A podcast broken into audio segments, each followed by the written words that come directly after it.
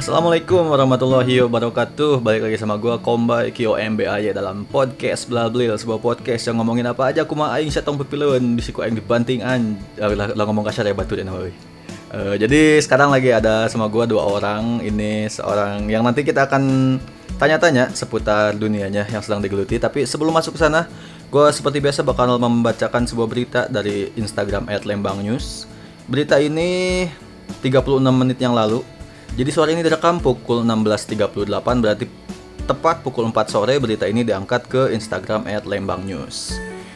Pantauan dari gerbang pintu tol Pasteur yang sesak dipenuhi pengendara. Pantauan arus lalu lintas dari gerbang tol Pasteur sekitar pukul 15 lebih 45 menit waktu Indonesia Barat. Situasi cukup macet. Ada yang tahu mereka mau ke mana? Mau jauh pasti ke Bandung. Soalnya ada apa? Ada libur panjang nanti mulai dari hari Rabu dibabatkan sampai ke hari Minggu ya jadi Rabu cuti bersama ah pokoknya nama libur weh, weh mulai hari Rabu.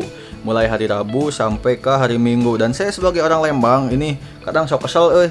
Jadi nu macet plat B weh hungkulnya. Maksudnya plat dalam kotanya saueutik gitu eh nu liburan teh jauh weh hungkul.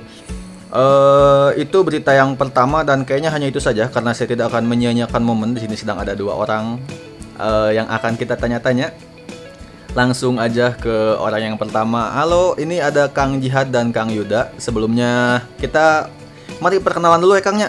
Mangga Kang Jihad silakan perkenalkan dirinya. Ya, uh, nama saya Jihad, profesi arsitek dari kojistudio.id. Ya, yang penasaran bisa dicek aja websitenya. langsung promosi ya. Bayar-bayar itu dan awan. Saya Yuda, sama dari Koji Studio, kebetulan bagian ngitung duit bagian ngitung duit. Tapi dasar bener lagi orangnya koji studio kata. Tapi ya baik di dia mah tahu orang iya lah api-api jeung urang teh teu gitu. Api-api ya tak ngus pasti wawuhun eh. Uh, langsung aja jadi ini teh Kang Jihad ini sebagai arsitek jadi gue kayaknya mau mengangkat tema aja jadi gue aja tegenahnya biasa ngomong orang bisa ngomong uang aing. Uh, jadi sekarang gue akan berbagi mungkin bertanya sama ahlinya tentang arsitek seputar dunia arsitek dan tentang uh, apa? Pokoknya mah A sampai jet lah arsitek teh apa terus arsitek teh kayak gimana. Uh, langsung aja ke pertanyaan yang pertama. Uh, Kang Jihad ini ilmu arsitek dan pendidikannya di Jepang Kangnya ya? Benar. Aduh pendidikannya di Jepang arsitek. Sebenarnya benang panggil sih di tuge jadi aduh kumaha dah hese jadi api-api tak kenal mah ini jadi ini kakak tingkat gue waktu di Jepang meskipun beda kampus tapi ya itulah kakak tingkat panggil di masjid dan uh, fun fact, waktu sebelum gua pulang, gua tuh minta kulkas dari Kang Jihad. Jadi kulkas di rumah gua tuh rusak. Dan Kang Jihad mau pulang, jadi itu pe, kulkasnya penta lah di, dikasih. Dan dibawa kan waduh coba lantai seberapa lantai tiganya. Lantai tiga. Coba wah lip. Waduh nggak gue gotong kulkas ya mah. Jung si pop up jung si taya nggak gotong kulkas dan ya alhamdulillah peninggalannya. Dan sekarang juga saya tinggalin lagi di sana dikasihin lagi ke orang. Nah jadi ngomong ke kulkas itu jadi ngomongin artefak, jadi ngomongin kulkas. Oke Kang, yang pertama saya mau nanya, uh, arsitek itu sebenarnya apa sih kerjanya? Kenapa ada orang profesi arsitek? Ini ini menurut uh, apa perspektif Kang Jihad ya? Karena kan kalau bertanya seperti ini pasti ada di Google gitu arsitek itu tujuannya apa. Tapi ini mah dalam perspektif Kang Jihad aja. Arsitek itu apa sih? Gitu. Arsitek itu ya sebenarnya intinya perencanaan bangunan gitu. Perencanaan bangunan.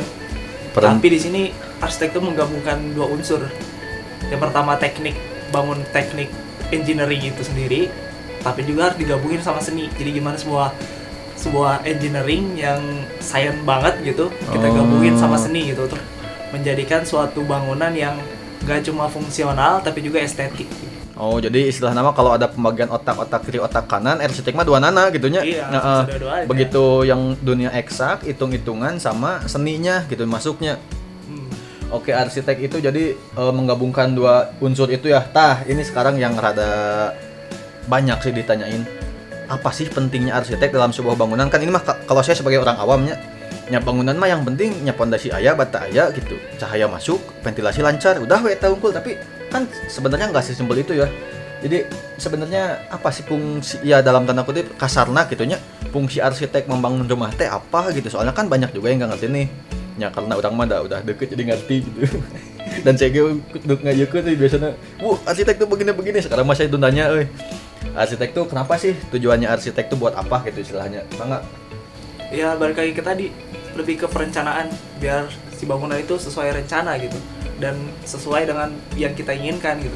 Kalau nggak pakai arsitek mungkin ya orang asal pasang fondasi asal pasang pintu itu asal pasang Oh, jadi jendela. mungkin untuk si eh, fungsi rumah itu sendiri bisa bisa terwujud tapi si seni na etanya nu, nu bisa dibilang tidak hilang lah gitu nya Ya, meskipun ada beberapa yang seninya bagus tapi dibandingkan dengan arsitek yang mempelajari dari A sampai Z-nya ya mendingku arsitek gitunya udah pugu karena seninya digabungin sama si engineer seninya tadi gitunya kan kadang suka ada pondasi wah pondasinya kuat mungkin luhurnya jadi tenyeni jadi banyak dipondasikan gitu ya. Ya lebih ke karena memang sudah diatur dari awal jadi kita tahu nih kita punya budget berapa kita mau bikin apa dan sejauh mana kita bisa mewujudin mimpi kita tuh lebih terarah. Oh, jadi seperti kayak konsultan lahnya konsultan bangunan yang A sampai Z nah teh udah udah ada gitu, udah ti- timeline gitunya pembangunan. Terus rencana biaya maksudnya? Ya bedanya mungkin gini kalau kita nggak pakai arsitek kita mau coba ngebangun ngebangun aja. Kita ambil misalnya tuh bikin pondasi oke kita habis pondasi berapaan kita buat tembok berapaan hingga akhirnya di ending baru kita tahu oh ternyata habisnya segitu oh jadi nembaknya dan uh, uh, jadi Oh. kemungkinan non teh tidak sesuai rencana teh nya Ya. tanpa arsitek mah. kalau menggunakan jasa arsitektur enaknya tadi ketika kita datang ke arsitek kita pingin bikin rumah kayak gini nih kita punya tanah segini konsep kayak gini tertanyain ke arsiteknya terus sama arsiteknya coba dibikin gambarnya lalu nanti eh, arsitek bakalan ya kita kita dari tim itu bakalan ngeluarin kira-kira kalau kayak gini RAB-nya segini gitu RAB nanti kita hitungin juga Jadi Ntar bisa eh, disesuaikan. Oh ternyata budget kita kurang nih. Apakah kita bersabar untuk menunggu tabungannya atau kita coba minimalisir dengan barang yang lain atau kayak gimana kayak gitu sih. Oh, jadi memang memang sedetail itu dari awalnya, jadi nggak akan ada pembengkakan biaya lah istilahnya kan. Jadi sekarang yang banyaknya di lapangan mah, oh nggak bangun ah paling sakieun, ah kayak arsitek mah mayar deui. Tapi ternyata memang kalah kaleuwih dari rencana gitu kan. Itu tuh memang karena ya menghilangkan si unsur arsiteknya ini. Jadi arsitek mah ah daripada mayar deui mending geus we sakieu, sakieun ge mah hi. ternyata enggak gitu nya.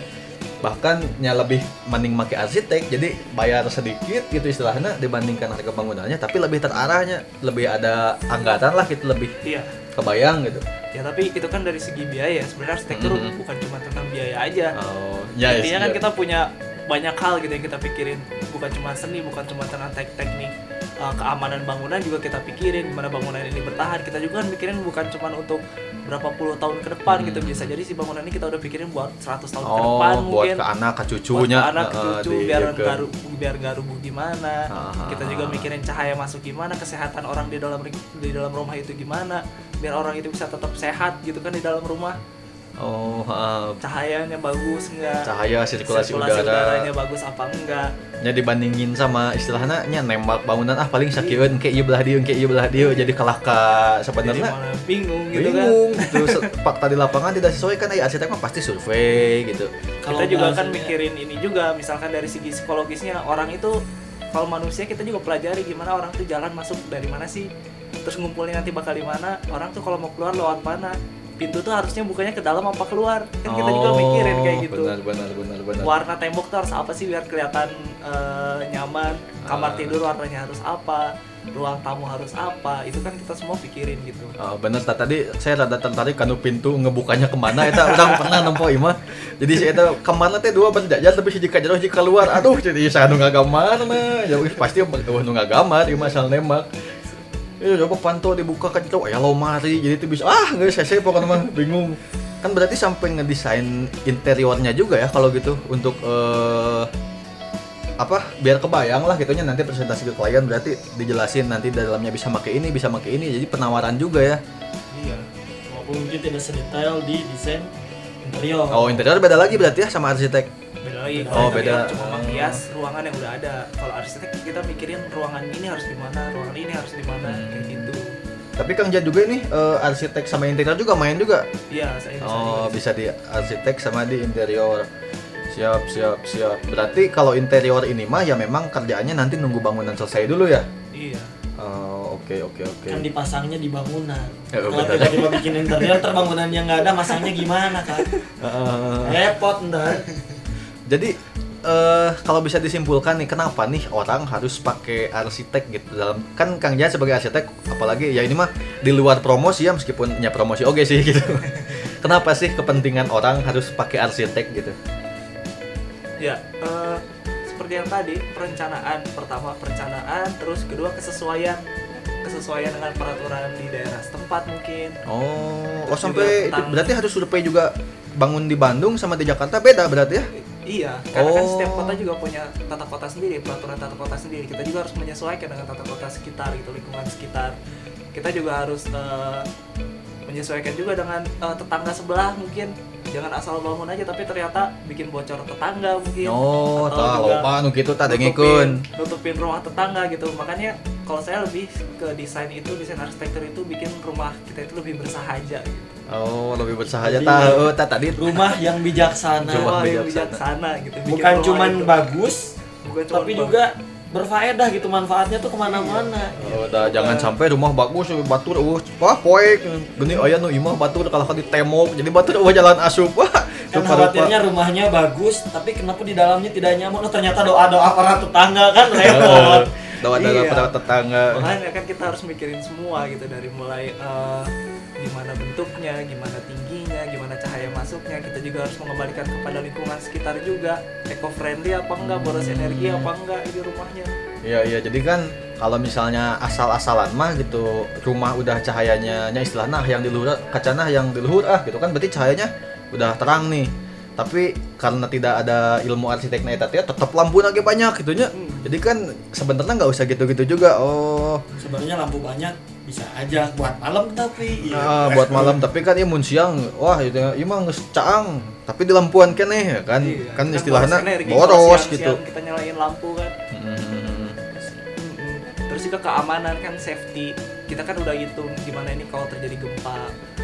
Kalau terjadi Oh, kebakaran iya, harus iya, gimana. iya, iya. Safety ini bukan tentang kekuatan bangunannya aja tapi jalur evakuasinya kayak gimana. jadi jalur lamun gempa keluar Kalau ke mana keluar gitunya ke mana, kalau kebakaran keluar ke mana. Kalau ada eh, misalkan banjir evakuasinya harus ke mana gitu. Itu juga kita pikirin semua. oh siap siap ah ini omong Jadi omong kalau pakai jasa arsitektur itu ya kita bisa mengamankan banyak hal. Pertama, mengamankan mimpi kamu punya rumah seperti apa. Kedua, mengamankan keuangan kamu dengan perencanaannya. Yang ketiga, mengamankan kehidupan kamu di dalam rumah. Semuanya bisa diamanin. Oh, benar, benar, Itu benar. Pentingnya arsitektur. Oh, ini sebenarnya kan tadi lebih ke pekerjaannya. Sekarang saya nemu artikel di sebuah portal berita rencanamu.id.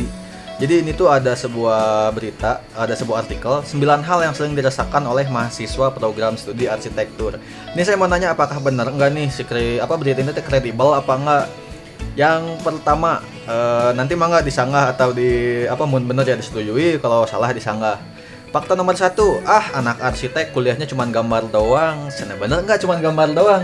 Eh, enggak sih kita juga banyak kita belajar warna kita juga belajar eh, aturan-aturan hukum yang berlaku Oh kita juga tadi. belajar fisika bangunan Oh bener tata kota tayanya. kota-kota macam-macam Oh sebenarnya di artikel ini kayak dijawab sih, cuman kan tong tong nempo ima.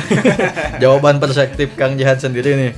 Jadi ars kuliah arsi gambarnya eh, apa kuliahnya gambar doang salah ya karena Salah. bukan hanya itu tapi kuliah kopi orang mana cuma malah teman saya juga banyak yang gak jago gambar Oh, itu tuh kopi mau itu. Bentar guys, eh, kopi kopi Kopinya gua jatuh. eh jatuh jauh. Nah, kan di ngopi mah ide deh. Yang ditulis di artikel ini, anak arsitek perlu memperhitungkan semuanya secara matematis dan fisika. Oh, bener, bener. benar Berarti bener.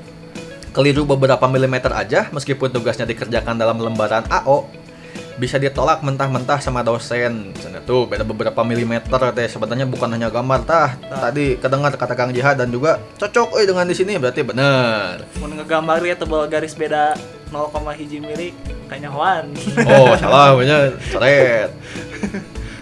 Nih, fakta yang kedua, siap begadang untuk mengerjakan tugas. Nah, selama Kang Jihad jadi mahasiswa kemarin di Jepang, sering nggak begadang? Nah ini sih bedanya sih kalau di Jepang hampir tugasnya bisa dikerjain di kampus gitu. Jadi kalau tugas tuh si dosen udah bikin supaya ya itu di rumah tuh sedikit gitu yang dikerjain jadi ya Oh. hampir nggak pernah begadang untuk tugas sih Tapi begadang di kampus pernah? di kampus juga jam kuliah aja tugas-tugasnya Oh, tugas-tugas jam kuliah. Jadi kalau untuk ini mah karena ini kan artik- artikel untuk mahasiswa arsitektur Indonesia nya. Waduh, Iya. itu cocok euy bae lah. Heeh, euy.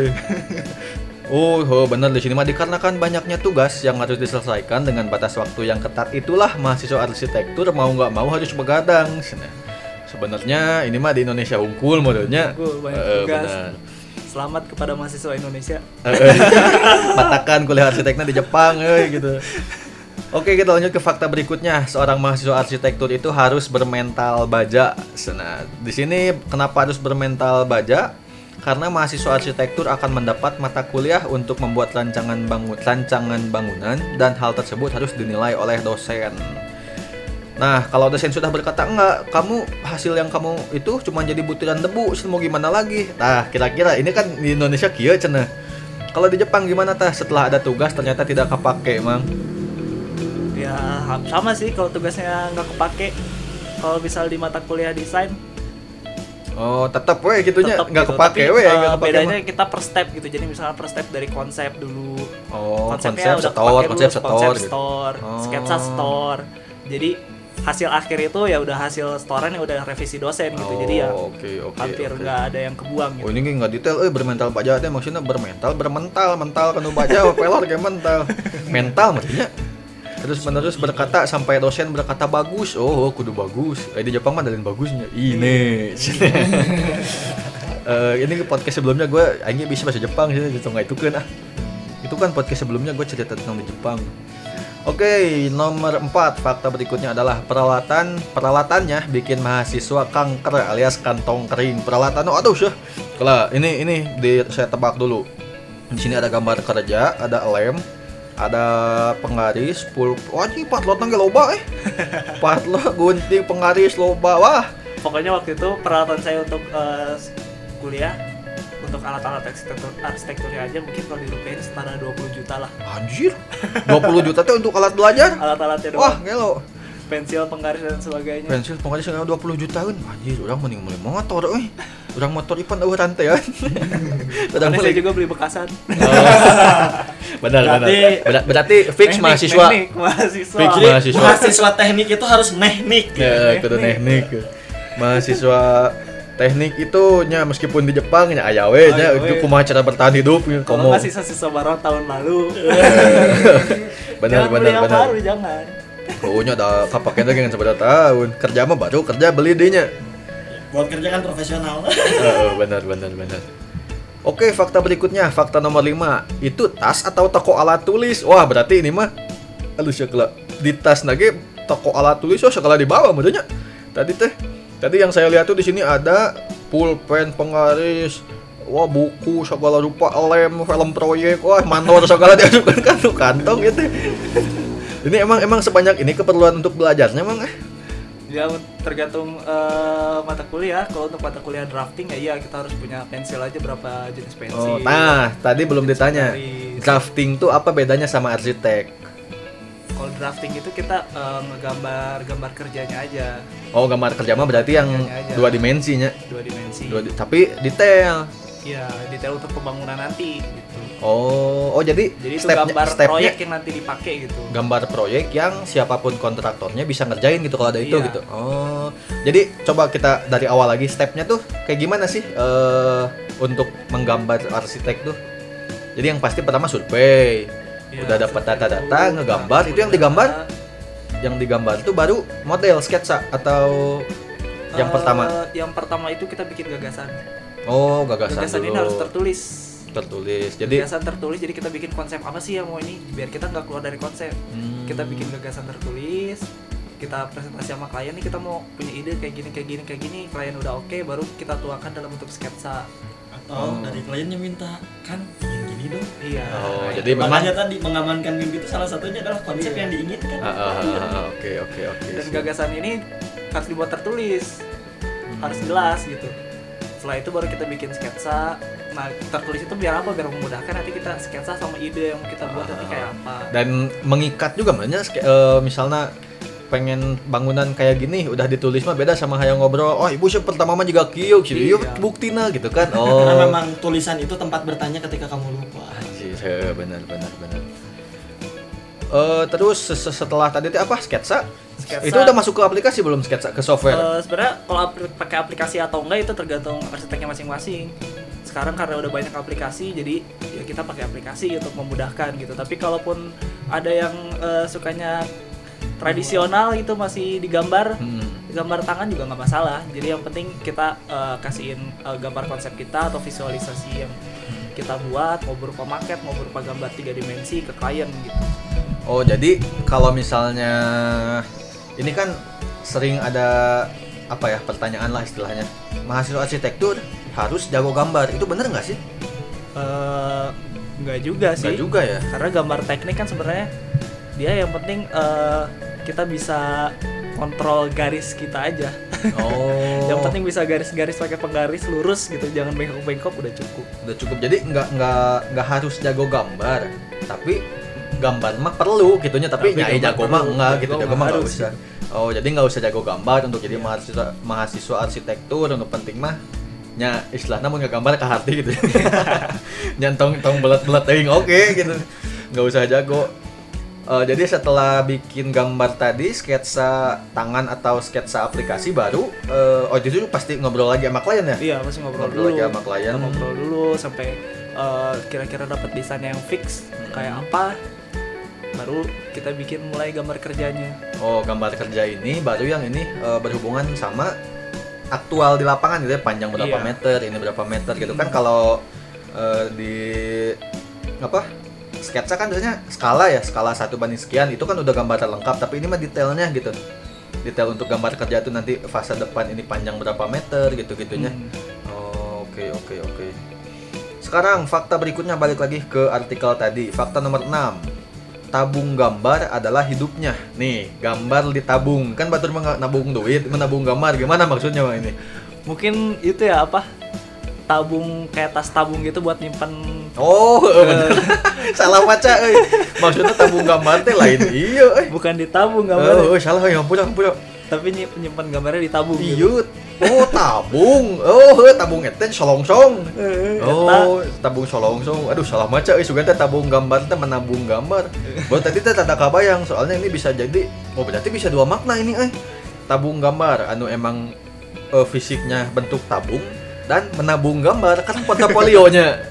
bisa bisa, Eh, eh, bisa. benar oh, berarti orang tuh salah. Hanya dua perspektif yang berbeda. Orang tong salah itu host euy. Tabung gambar. Jadi tabung gambar itu tuh sebenarnya buat apa sih? Tabung-tabung bentuknya, tabung bentuk gambar. ya kan buat nyimpan draft kita buat nyimpan eh, karena kan untuk di arsitektur biasanya pakai standar kertasnya ukuran A2 kalau kita masukin di kertas kan Tuh, aduh mah. rusak nanti kelipat-lipat Oh, Proyek. anu gede banget tabung gede di gede kuntunya. Jadi Lama nggak garis, jadi garis anyar. dampak kehujanan wah ah, tipu. Oh, berarti ini tas tabungnya nggak beda jauh sama jang iya, jang jejer, jang mancing. Bisa aja jang mancing. bisa bisa Coba bapak udah yang beli jang mancing gitu. Oh, tabung tadi tabung yang pertama jadi aduh gedenya aduh kedua Oh jadi ini teh kayak yang di foto-foto mun di Google arsitek, sini kan Oh, iya. beda-beda gambar. Oh supaya keren oke nya gede aduh. Eh benar benar. Pang-pang nama meh kaciri. Jadi Wah, arsitek, oh bener halus Meh euy. kaciri arsitek kaciri gambar dah. Kita udah detail, tapi disuruh asli, ninggalin minus ya tapi tapi gagah asli eh, itu gambar beda-beda. Sudah foto eh, pakai helm proyek, pakai rompi. Aduh, si arsitek. Sekarang tadi tabung yang pertama tabung wadah, sekarang tabung yang kedua nih menabung gambar adalah hidupnya. Tah, kumaha maksudnya menabung gambar teh tadi udah Menabung disebutin gambar. sedikitnya portofolio. Tapi portofolio ini tuh sebenarnya yang untuk dijual apa emang untuk karya tabungan aja nih biasanya? biasanya ada yang arsiteknya tuh karena eh, hobi gitu ya jadi emang kita kadang kalau lagi waktu luang tuh orang lain main game kalau gua bikin bikin gambar gitu. Oh, oh benar aja. kadang ntar bisa jadiin post Instagram atau jadiin Oh, oh, apa. Pokoknya bisa buat portofolio eh, portofolionya arsitek menarah daging mah gitu. Pas begitu orang ngerjain naon ngerjain naon daripada gabut ah udah mah gabut nah iya weh ngerjakan gambar jadi duit wah uh, bener arsitek mah ya nges lah Tapi lebih ini sih. gabut jadi naik haji. kan orang latihan biasanya orang banyak latihan eh, kelihatan gitu hasilnya gitu Hmm. kalau kita banyak sering ngegambar walaupun ya awalnya jelek jelek tapi nanti kelihatan hasilnya Yo, dina buku sinar dunia ya. Practice make perfect. Tah, Nah, iya, eh, bukan ini mah. Nah, wah kuatan buku jadi walaupun misalkan kita lagi nggak dapet klien tapi gambar aja gambar aja. karena kadang-kadang kita cuma bikin iseng-iseng eh, ngeliat tanah kosong gitu ah coba kalau rumah itu kita bikin kayak gimana gitu itu kan lama kelamaan kita skill kita naik Oh, bisa jadi penawaran kan- oge nya. Apalagi kalau diaminin malaikat. Wah, Oke, aduh itu gambar orang, orang gambar lah ayat tanah buat masjid. Itu diaminkan. Wah, jadi nggak gambar masjid dulu ya. Wah, bener. Pahala mengalir abadi itu ya eta mah. Eh, tabung gambar udah. Tadi tabung yang pertama tabung wadah untuk menyimpan gambar draftnya dan tabung yang kedua untuk menabung gambarnya. Sekarang fakta nomor 7 nah iya mah asa asa asa mintang manggihna eh kamar tidur atau kamar kos seperti kapal pecah. Saya berarti pembalataknya itu. Wah di mana ya ucing ya wah loba meureun jadi ini. Bener apa enggak ini? Sebenarnya ada lain arsitektur unggul sih. Ini mah gimana karakter orang sih? udah iya mah orangnya nggak bisa di ini. Tapi kenapa mungkin iya mah orang ngebela iya nya karunya nulis arti- nulis artikel. Membelanya teh karena mungkin yang paling kelihatan mah nya mahasiswa arsitek tuh meureun anu pabalatak mah. Karena kan tadi lihat alatnya aja udah segala digugluk gitu. Udah segala dibawa. Mawa itu mawa iyo Nah, mungkin gitu. Kalau misalnya Kang Jihad sendiri mendengar fakta ini, kamar tidur atau kamar kos seperti pa- kapal pecah itu betul apa enggak nih? kalau saya sih ini lebih ke orang sih. Nggak bisa Oh, digeneralisasi. nggak bisa digeneralisasi. Jadi Bisa emang nah, bukan hanya mahasiswa arsitek ya. iya. Nah, apalagi kalau yang senang desain interior pasti kan pengen kamarnya rapi Uh, uh benar. masa desain interior kamarnya berantakan Wah, aku batur sini. Sama kayak orang botak iklanin sampo. bisa, tapi sampo motor. Eh, Sekarang, wah, ini mah fakta nomor 8 mah ada, iya euy. Fakta nomor 8 mah ada ya ini mah no offense euy. Anjir, no offense. 8 kurang pergaulan dan sombong sana. Wah, kala kala imah kudu kudu aya heula dieu nah setan Rizky eh. Ah, kumpul yuk, udah lama nggak ketemu anak-anak SMA. Waduh, sorry nggak bisa. Bukan rahasia umum, anak arsitek setiap diajak kumpul atau ketemuan nggak pernah bisa. Mungkin hal itulah yang membuat kamu mengira anak arsitek kurang pergaulan, nggak mau bergaul, nggak mau berbaur, sombong dan lain-lain. Cina ngomong nah gitu, jangankan sama anak SMA, sama fakultas lain pun jarang. Cina. Wah, iya kumaha nih sombong cenah arsitek mana? Urang ge tidak setuju euy da ieu mah. Lain arsitek unggul pasti aya nu kieu mah. nu sombong kurang bergaul ge mah.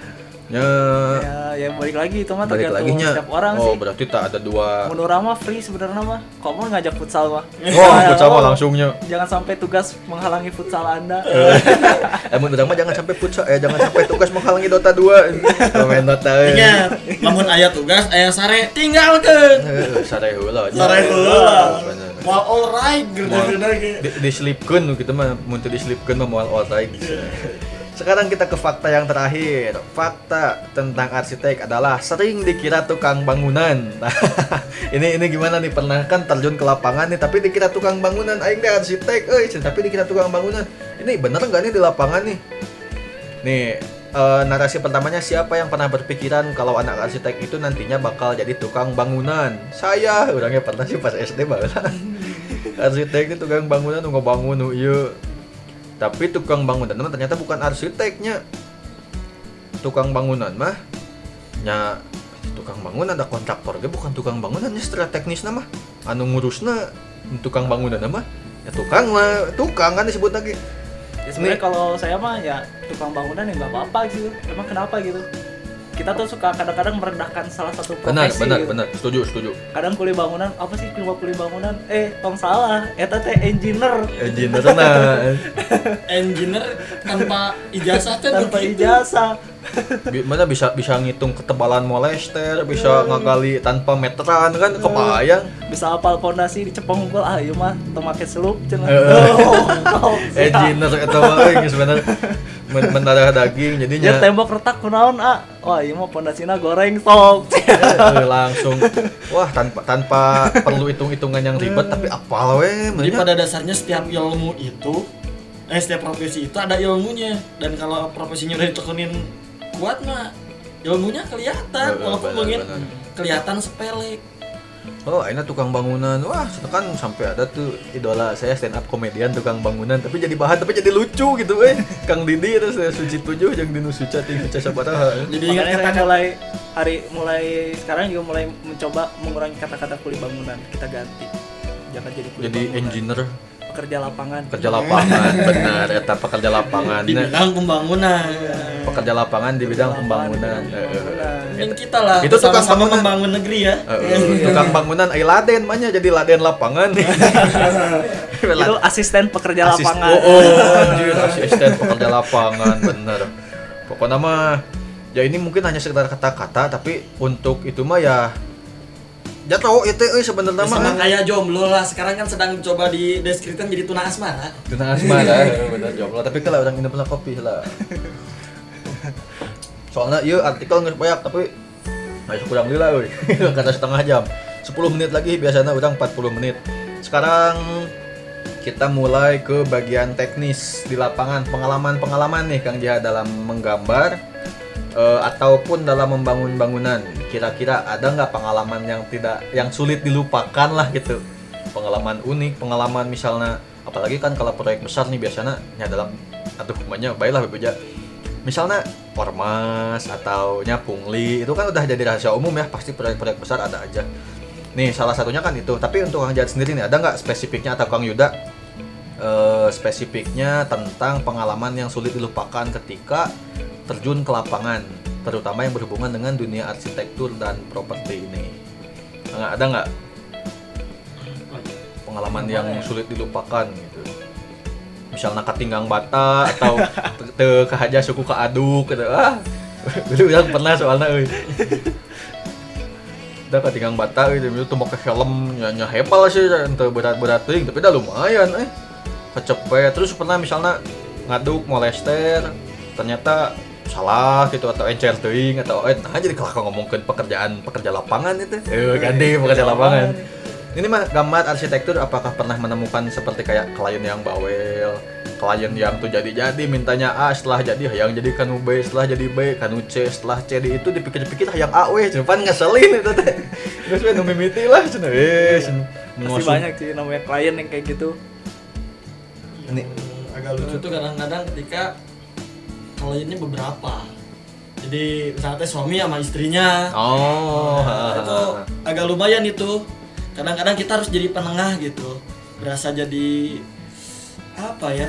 Jadi yuk oh naon pengacara lah gitunya ya menjembatani ide dari kedua belah pihak itu kan rada Oh, lumayan kalau kalau iya euy, suami istri yeuh, pang-pangna si istri nu hayang kieu tapi angkat duit nama ku suami euy. Nah, Eta. Loba biasa. ada lagi yang lebih susah Kumaha kumaha. yang lebih susah lagi ya ketika suami istri sudah berdebat duitnya di mitoha eta.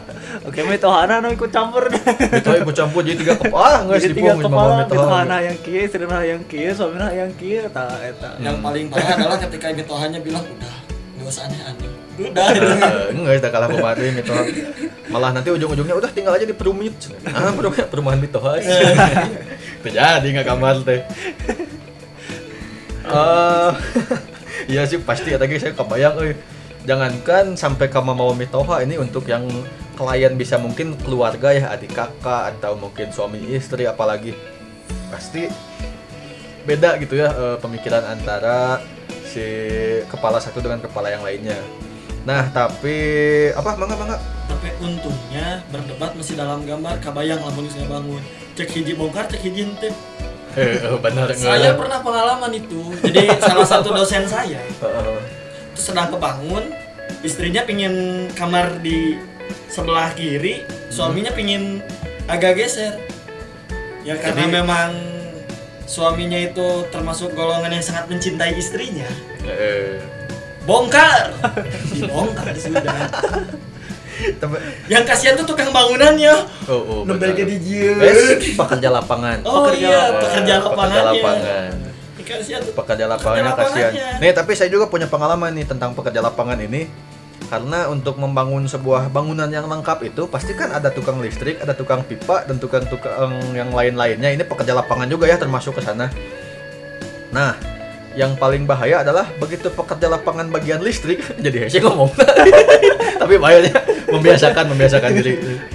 Begitu si pekerja lapangan bagian listrik ini datang begitu ketika lihat saklar tuh sebelah sini tapi sudah ditembok wah kan pas ya eta teh iya sah nu tembok. Iya cenah iya listrik dan asup kabel cenah kabel dan asup tuh dibobok deui gitu kan.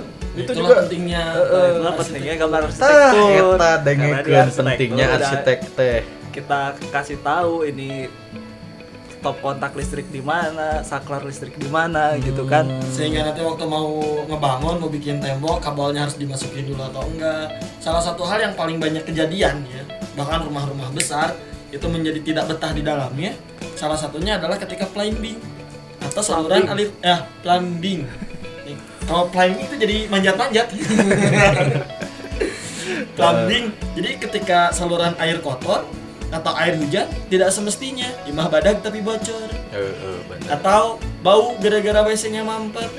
Itu Dan- banyak kejadian kayak gitu. juga ketika ada suatu bahan bangunan suatu bidang bangunan gitu misalnya tembok kamar begitu retak apakah salah pondasi atau apanya jadi tahu kan udah ada strukturnya ternyata belah sini belah sini belah sini gitu kan. Lebih lebih terancang juga. Tapi yang paling penting mah itu menghindari konflik. Eh, konflik kan bisa konflik eksternal konflik internal. Tapi nu konflik internal paling minangnya eta tukang eh, pekerja lapangan bagian listrik yang pekerja lapangan bagian bangunan eh. asli ah aya pengalaman kemarin pas ngebangun di sebuah tempat yang sangat ramai di Bandung di Lembang di mau disebutkan The Great Asia Afrika nya.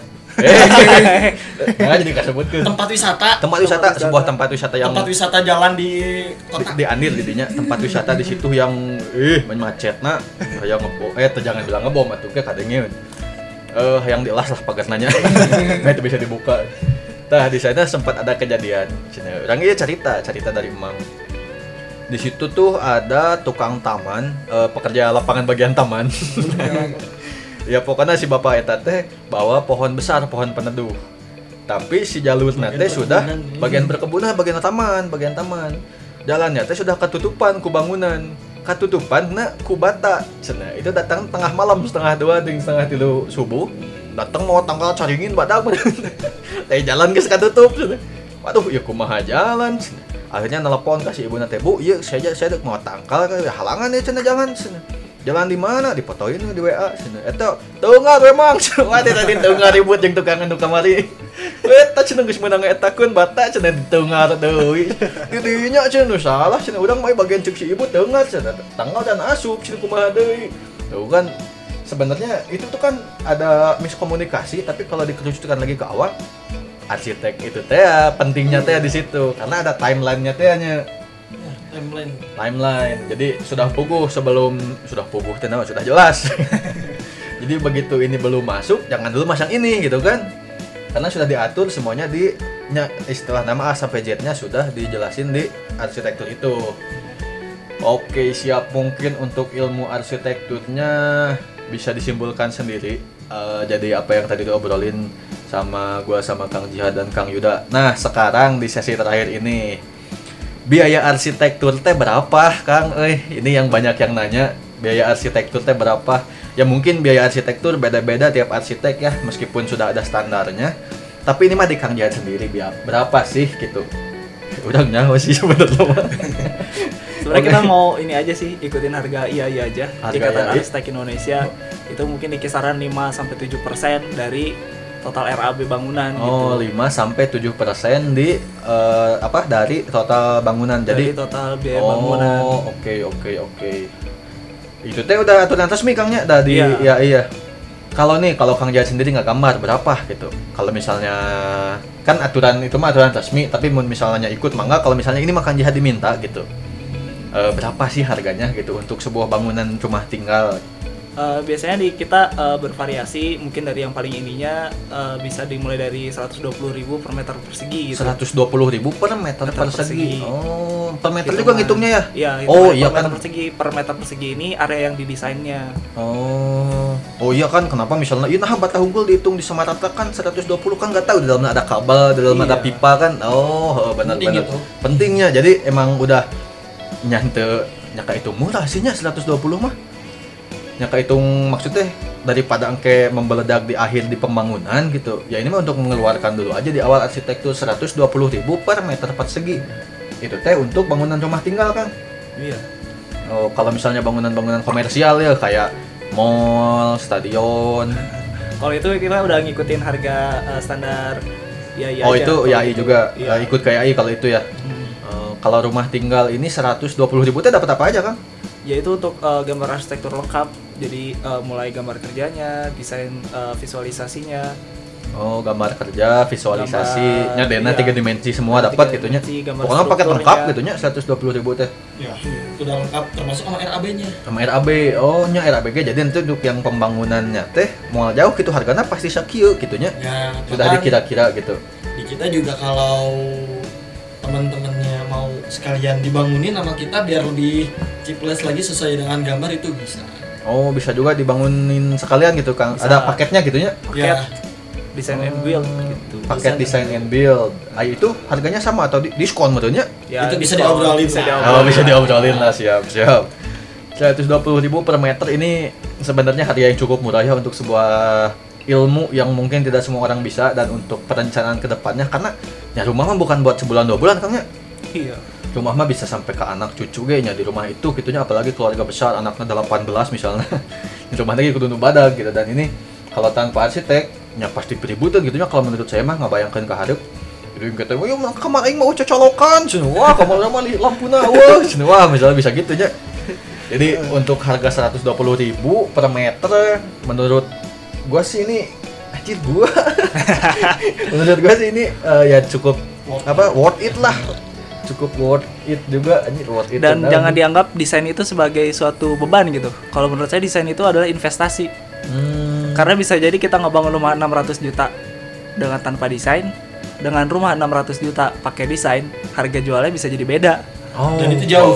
benar. Jauh. Bisa jadi kita ngebangun 600 juta rumah biasa tanpa desain, kejual laginya malah turun gitu harga jadi 500. Tapi Oh. kalau orang pakai desain dengan biaya yang sama, misalnya 600, tapi bisa kejual sampai mungkin jadi 1 atau 1,2. Apalagi kalau nanti tiba-tiba si arsiteknya jadi terkenal. Oh, oh, Wah. nah, ini rumah ini karya arsitek ini gitunya.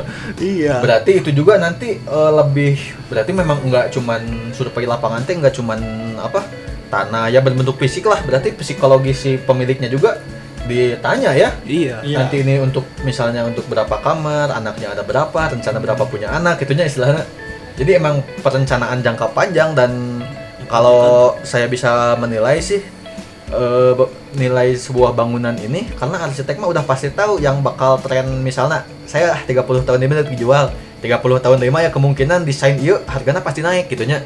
Kalau misalnya itu kayak masih bentuk rumahnya. Iya, Oh, bisa. iya. di bentuk rumahnya.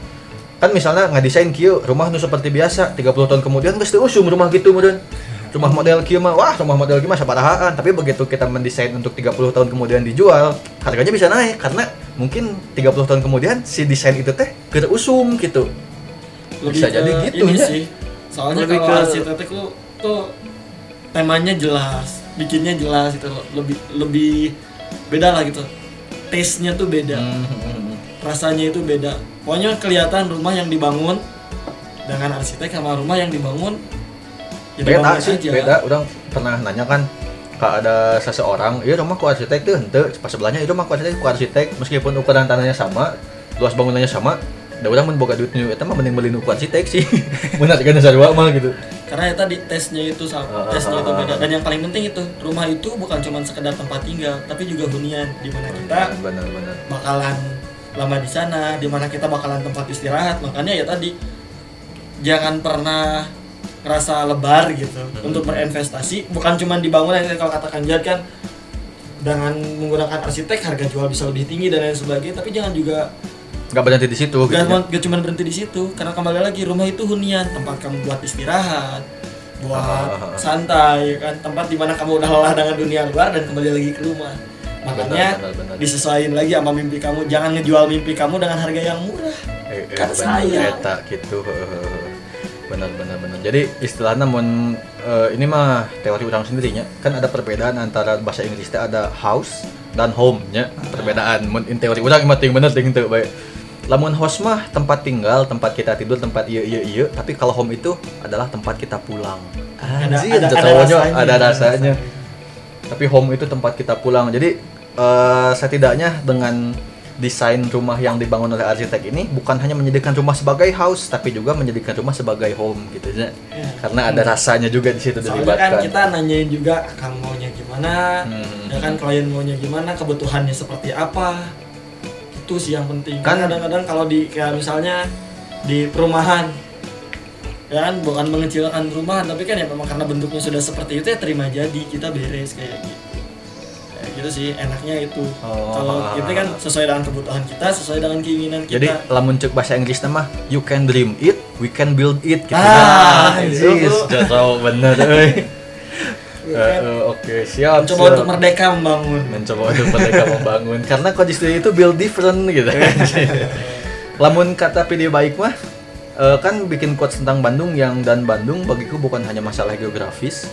Lebih jauh dari itu melibatkan perasaan yang bersamaku ketika sunyi. Lamun misalnya make struktur kalimat seperti itu dan dan desain rumah yang pakai jasa arsitek eh, bukan hanya sekadar tempat tinggal lebih jauh dari itu melibatkan perasaan ketika aku sedih, ketika aku menangis, ketika aku tertawa dan ketika aku berbagi cerita dengan seluruh keluarga yang ada di rumah itu gitu. Anjir.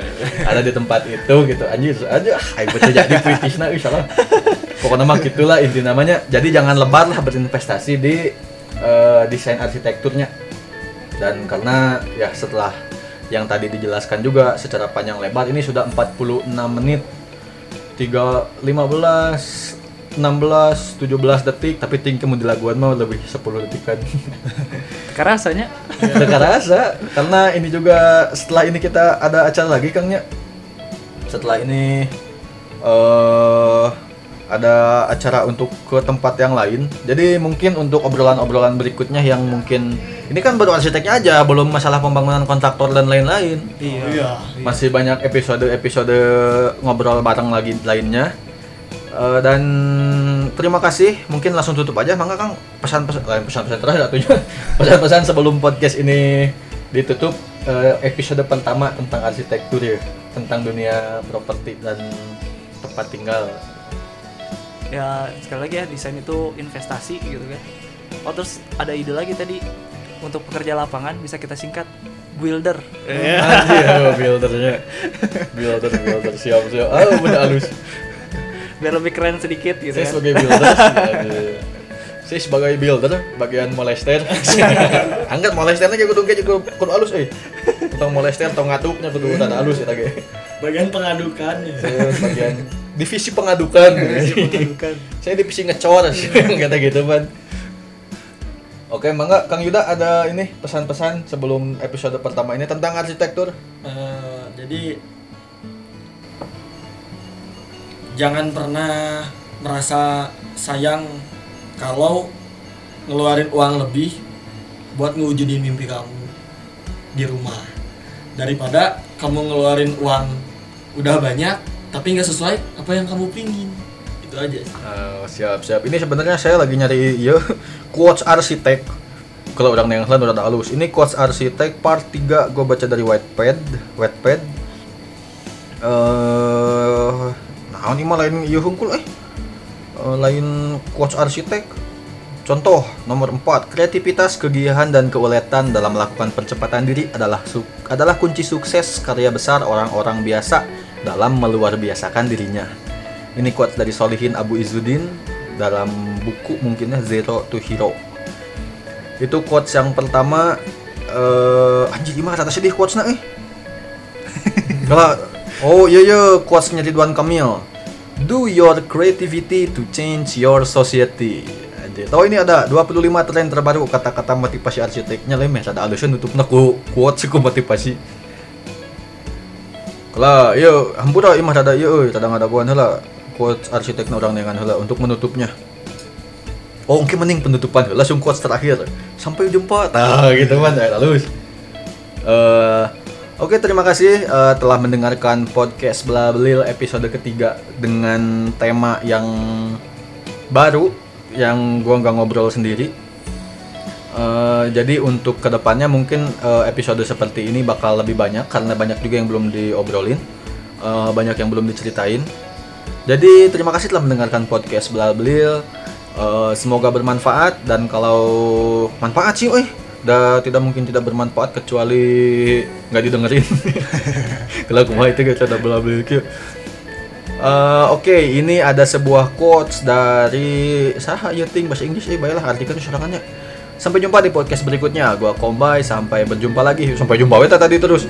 Quotesnya adalah arsitektur should speaks of its time and place but yearn for timelessness. Anjir. Tahu tadi ini. Oke, sampai jumpa di podcast berikutnya. Gue Kombay. Sampai jumpa. Assalamualaikum warahmatullahi wabarakatuh. Sampurasun.